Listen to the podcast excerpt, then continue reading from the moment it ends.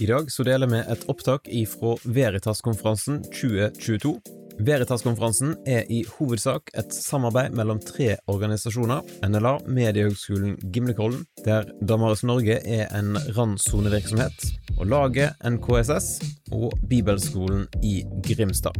Vi vil anbefale deg å bli med på Veritas-konferansen 2023. Den 20. til 22. oktober på Bibelskolen i Grimstad. I 2023 så vil hovedtemaet være Fornuft og fantasi arven etter CS Lewis. Sjekk ut veritaskonferansen.no for mer informasjon, og meld deg på i dag.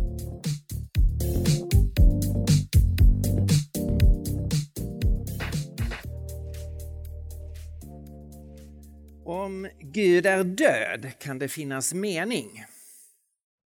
Jag hoppas ni förstår den här vackra svenskan. Ja, det verkar så. Det är bra. Vi får hjälpas åt. Det blir lite olika språk här ikväll. Ehm, inte så mycket norska, men det blir en del andra språk. Om Gud är död kan det finnas mening. Ehm, jag tror jag börjar med grekiska. För lära er ett, ett fint ord.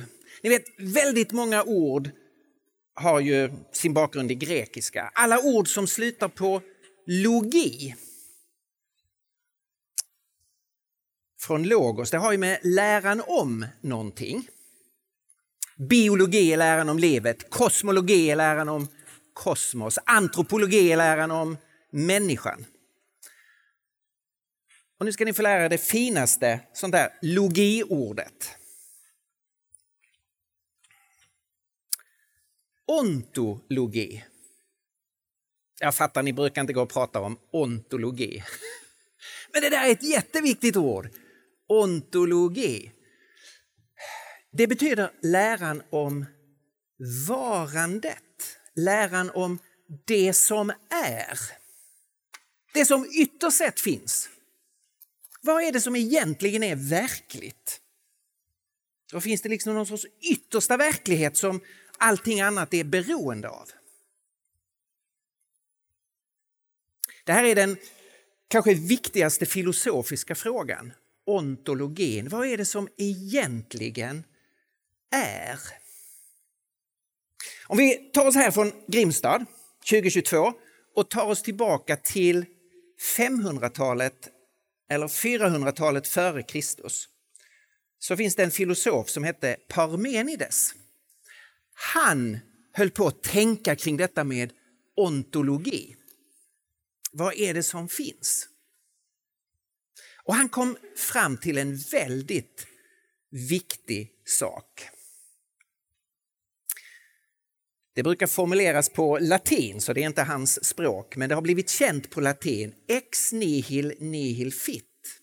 Han kom fram till att ur intet kommer intet. Om man har ingenting så kan inte någonting av sig självt plötsligt bli till ur ingenting. Ur intet kommer intet. Okej? Okay? Det, verkar, det verkar ofrånkomligt, det måste vara så. Ur intet kommer intet. Men idag finns det ju någonting. Du och jag finns. Jordklotet finns, universum finns. Någonting existerar ju. Det betyder, eftersom någonting finns, så måste någonting alltid ha funnits. Någonting måste vara evigt. Kommer Parmenides fram till. Eftersom någonting finns idag måste något alltid ha funnits. För ur intet kommer intet. Och då blir ju frågan, är det detta som vi ser runt omkring oss som är det eviga? Eller är det någonting annat som är det eviga och som har orsakat den här världen? Och Parmenides han kommer fram till vad som är hans svar. Det är den här världen som är evig. Detta universum har alltid funnits och det är det enda som finns. Det är hans ontologi. Det låter ganska modernt. Massa människor runt omkring oss tänker precis så. Det enda som existerar är den här världen. Nå, nu är det en massa andra människor som, som skulle säga ah, sånt där går man ju inte tänker på. Det är väl inte det viktiga vad som är evigt, vad som är ontologin. De flesta svenskar de skulle ju säga så här. Nej, jag tänker inte på ontologi. Jag är intresserad av att hitta en mening i mitt liv. Jag är intresserad av kärlek. Jag vill bli älskad och jag vill kunna älska. Jag är intresserad av värde. Jag vill känna mig värdefull. Jag vill få betyda någonting. Och jag är intresserad av vad kan ge mig hopp. I en värld där det är mycket som är mörkt, vad kan ge mig hopp? Sånt, det vill jag tänka på, inte ontologi. Och så tänker man så här, och sen finns det några stackare. De behöver liksom ha med Gud där på toppen. De klarar liksom inte av sitt liv riktigt utan måste sätta Gud där överst.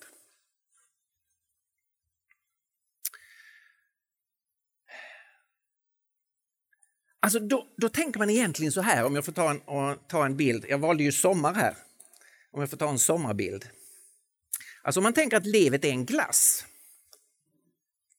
så är Gud strösslet.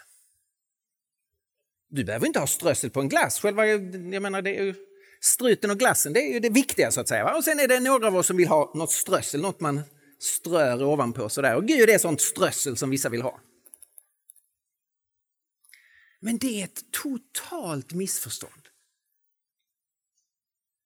Man måste vända hela den här pyramiden. Gud om han finns är det mest grundläggande av allting. Om Gud existerar är han förstås den evige. Och från Gud så kommer ju allt det som vi tycker är viktigt. Om Gud finns så flödar det mening. I så fall är det ju någon som har menat någonting med vår värld. I så fall finns det någon som älskar mig. I så fall är kärlek det eviga, det viktiga.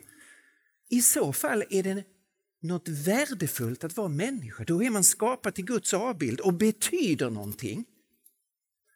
Och i så fall finns det ett bergfast hopp. För Gud har inte övergett sin värld. Allt det här kommer från Gud. Men vad händer om man gör som Parmenides och inte har Gud som det eviga utan man sätter naturen? Ja, då släcker man ju ner allting. Vad kommer från naturen? Vad följer från naturen? Ingenting.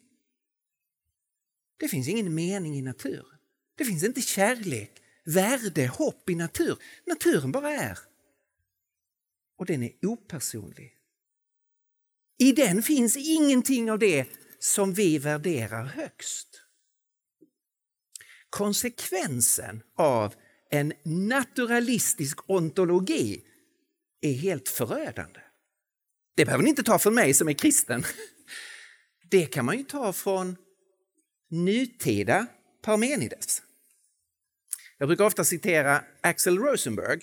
Han är professor i filosofi vid ett elituniversitet i USA. Han är själv naturalist.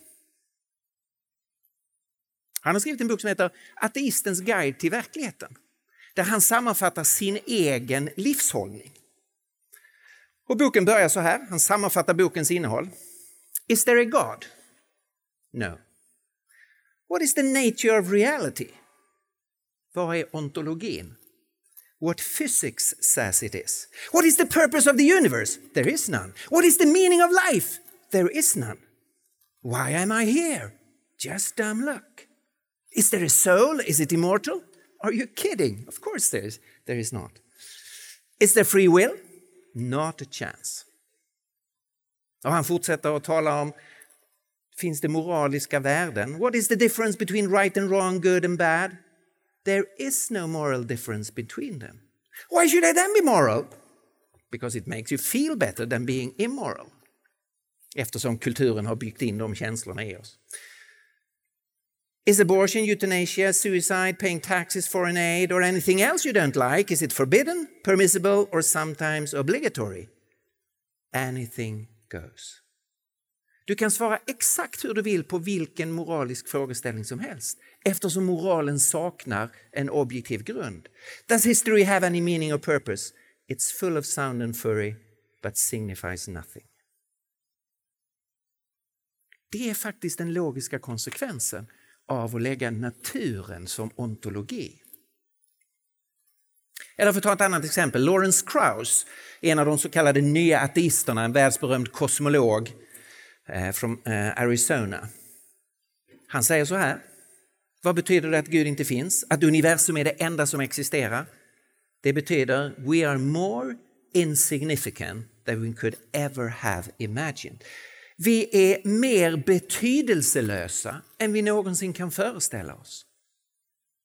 Ser ni, människan bara förminskas. Livet är betydelselöst på en nivå som vi inte ens kan föreställa oss. Vi betyder ingenting längre.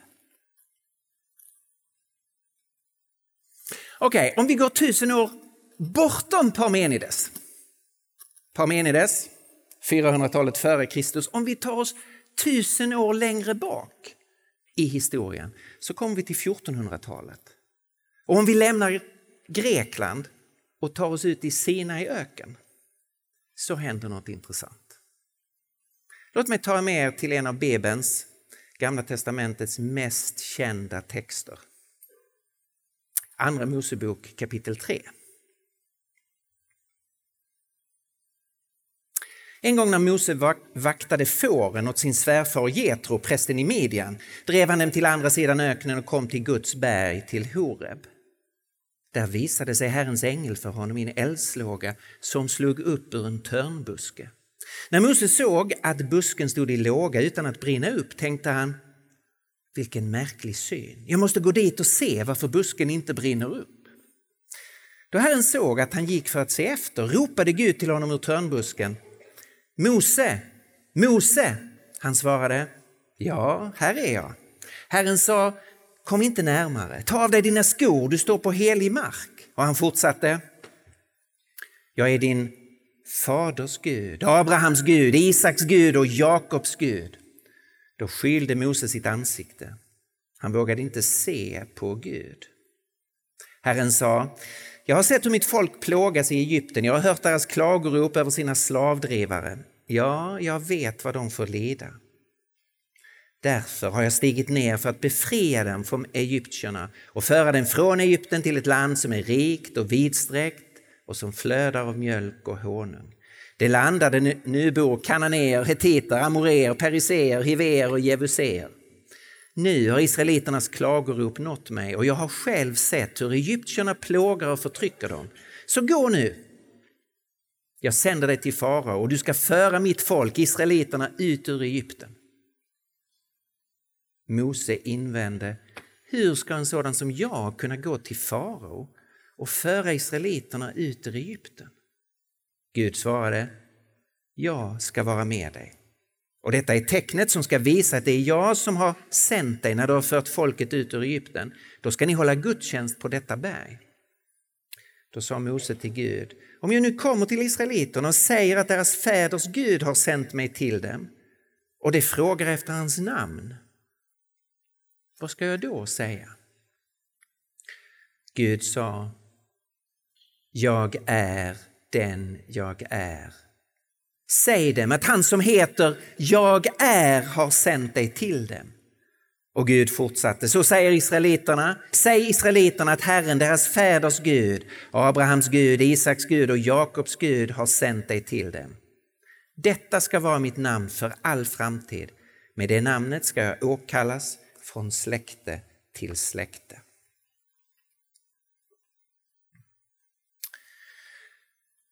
Här möter vi en fullständigt annan ontologi. Här möter vi det stora alternativet till vad som är det eviga.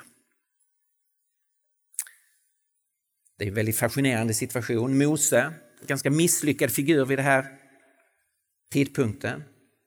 Han har ju från en väldigt dramatisk start i sitt liv när han ska döda som ett litet barn har han blivit räddad. Han fått växa upp i faraos hov och fått utbildning och framtid och status och makt. Och så ödelägger han det genom att slå ihjäl en annan person, en egyptier, och han får fly. Och nu har han varit fåraherde i öknen i 40 år.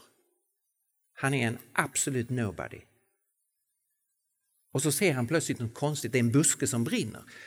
Ja, det är inte så konstigt. Det är självantänder buskar i, i öknen. Det är torrt, det är varmt, det är sånt som händer. Men det konstiga är busken brinner inte upp. Det brinner men busken förtärs inte. Och han blir nyfiken och går närmre och så utspelar sig det här samtalet. Och det är ett samtal som sätter frågan om identitet i centrum. Mose som får uppdraget att befria folket ur Egypten inser ju att hans identitet är ingenting att bygga på. Vem är jag? Att jag skulle gå till farao, att jag skulle föra Israels barn ut ur Egypten. Han är en liten, svag, bräcklig människa. Han kan inte göra det. Och så förflyttas hela fokus till Guds identitet. Vad är ditt namn? Och namn här står inte bara för liksom en beteckning, det står för identitet. Vem är du?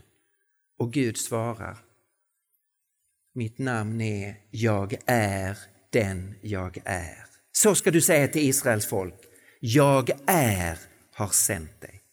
Fyra gånger finns det här hebreiska verbet jag är i verserna 12 till 14. Här ligger centrum. Vi möter det yttersta varat, det som är evigt, som är i kraft av sig själv. Och Det här är ju Guds namn. Det är som om man går in i en synagoga, ofta står de fyra hebreiska konsonanterna JHVH, tetragrammaton som det kallas. Vi vet inte säkert hur det ska uttalas. Man gissar ofta att det har uttalats någonting i stil med Jahve. Men det spelar mindre roll hur det ska uttalas. Det är innehållet i Guds namn som är det viktiga. Det är detta som är hans namn för evigt. Att Gud är varande. Han är svaret på den ontologiska frågan. I våra biblar, när det här namnet står, så står det Herren, men med versaler, med stora bokstäver, inte bara H, utan alla bokstäver står med stora bokstäver. Och det namnet finns 6828 gånger i Gamla testamentet. Det finns i alla GTs böcker utom två. Det här är helt centralt i kristen tro. Det finns ett yttersta vara. En skotsk predikant som heter Alexander McLaren, han skrev för lite mer än hundra år sedan så här. Han utlägger, Andra Mosebok kapitel 3, han utlägger Guds namn, jag är, och han säger That is to say, the fire that burns and does not burn out which has no tendency to destruction in its very energy and is not consumed by, the, by its own activity, is surely a symbol of the one being whose being derives its law and its source from himself, who only can say, I am that I am. The law of his nature, the foundation of his being, the only conditions of his existence, being, as it were, enclosed within the limits of his own nature. You and I, we have to say, I am that which I have become, or I am that which I was born, or I am that which circumstances have made me. He says, I am that I am. All other creatures are links. He is the staple from which they all hang. All other being is derived and therefore limited and changeful. This being is underived, absolute, self dependent, and therefore unalterable forevermore. Because we live, we die. In living, the process is going on of which death is the end. But God lives forevermore, a flame that does not burn out. Therefore, his resources are inexhaustible, his power unwearied. He needs no rest for recuperation of wasted energy. His gifts diminish not the store which he has to bestow. He gives and is none the poorer. He works and is never weary. He operates unspent. He loves and he loves forever. And through the ages the fire burns on, unconsumed and undecayed. Om du har läst i Nya Testamentet så känner du igen det här från Uppenbarelseboken. Jag är A och O, säger Herren Gud, han som är och som var och som kommer, allhärskaren. Detta är det fantastiska alternativet. Det finns ett yttersta vara Och så säger texten fyra saker om detta yttersta vara, om den Gud som är. För det första, det är inte en princip, det är inte en idé, det är inte en energi.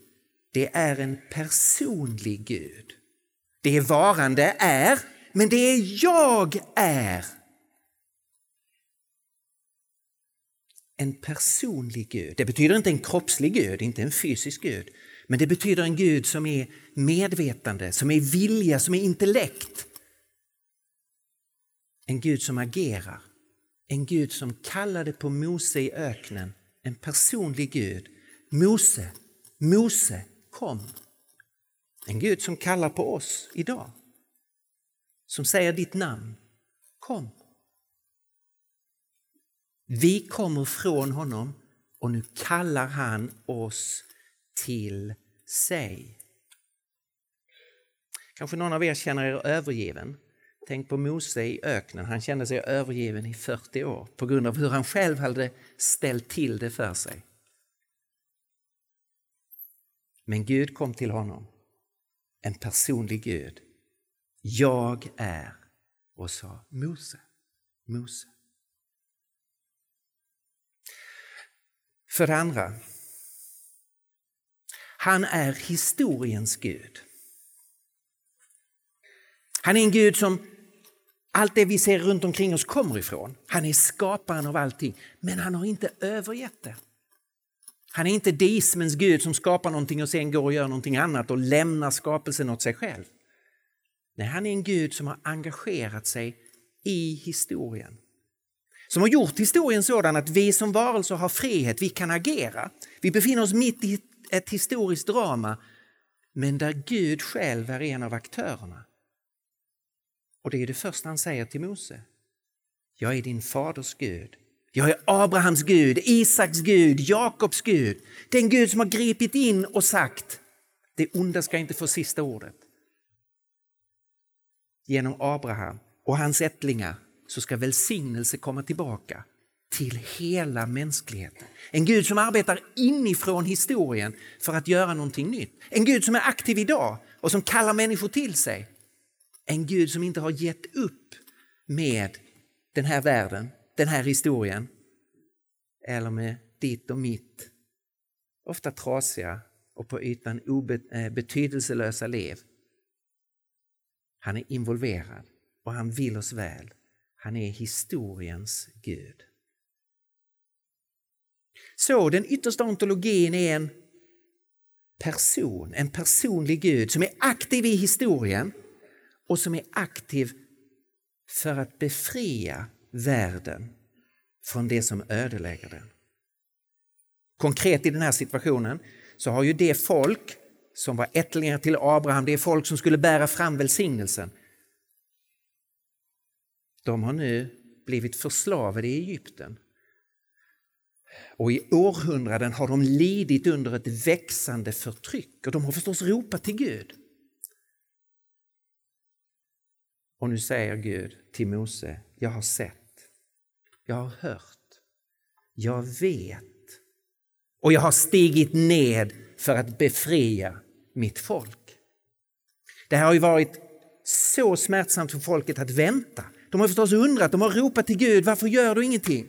Hur kan vi som ska vara bärare av din välsignelse behöva utstå detta lidandet? Och de har säkert ofta känt sig övergivna. Men Gud har sett dem. Gud har hört varenda en av deras böner. Och när det är Guds tid så stiger han ner. När det är Guds tid så griper han in. Och nu är det Guds tid. Och han stiger ned. Och han stiger ned för att befria. Och sen om du fortsätter läsa i Andra Mosebok så är det ju ett fantastiskt drama som slutar med att det står ett befriat folk på andra sidan Röda havet. Det är ju det som Gud säger, det ska vara tecknet. Ni ska få se att jag håller mitt ord, att ni ska bli befriade. Ni ska hålla gudstjänst på detta berg igen. Och det är vad som sker i kapitel 12. Så håller Gud sina löften, även om vi ibland får vänta och vänta på ett sätt som vi inte förstår. Varför ska det dröja så länge? Så har Gud sett oss, hört oss och det finns en befrielse som kommer. Det här innebär ju att den kristna tron ger ett hopp som man inte hittar någon annanstans. Det kommer en befrielse, ytterst en befrielse för hela detta kosmos. När synd och död och djävul och mörker en dag definitivt ska knäckas, kastas ut, försvinna. Han är befrielsens Gud. Det är därför som det i den kristna kyrkan genom hela historien finns det här hoppet, hoppfullheten. Det kommer en dag. För det fjärde. Han är en helig Gud.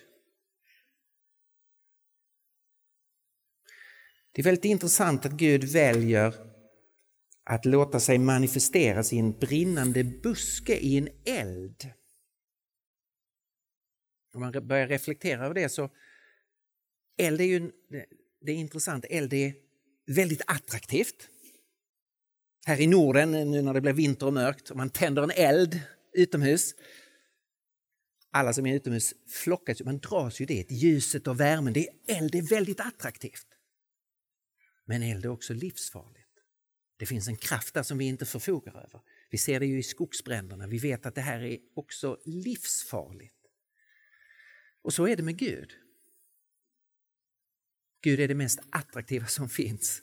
Om man börjar få en aning om vem Gud är så dras man till det. Å andra sidan så är Gud livsfarlig för människan. Och här finns ju en, en kontrast i, i texten vi läste. Mose, Mose kom och Mose närmar sig. Och sen säger Gud plötsligt stopp. Ta av dig dina skor. Du står på helig mark. Och det markeras någon sorts distans mellan Gud och Mose. Mose har ju blivit liksom fascinerad av den här busken från början av att hur kan det komma sig att busken inte brinner upp? Det brinner men busken försvinner inte. Det riktigt märkliga är egentligen en annan sak. Hur kunde Mose möta Gud utan att förgås? Hur kunde Mose möta Gud utan att brinna upp så att säga, förintas? Hur kunde han som har slått ihjäl en annan människa gå levande från ett möte med Gud? Vad är det som pågår? En massa människor tänker så här att det, det är jobbigt det här med en helig Gud, att Gud är dömer. Och I vår, vår tid så känns det liksom bra om man kan tona ner domen eller ta bort domen. Men man behöver inte tänka jättelänge förrän man kommer fram till att en Gud som aldrig dömer det onda är ju en lägre varelse än vi. Du och jag, vi dömer ju ondska. Vi ser förtryck. Vi ser det onda och då reagerar vi och dömer det. Om Gud inte skulle döma det onda så är han ju lägre än vad vi är. Men det är ju så kan det ju inte vara. Gud, om han finns, är ju förstås en mer fullkomligt väsen än vad vi är. Därför är det ju inte förvånande att Gud måste dra en gräns mot det onda, att Gud dömer det onda. Men då står vi inför någon sorts frågeställning här. Varför går då inte Mose under? Hur kan han möta Gud?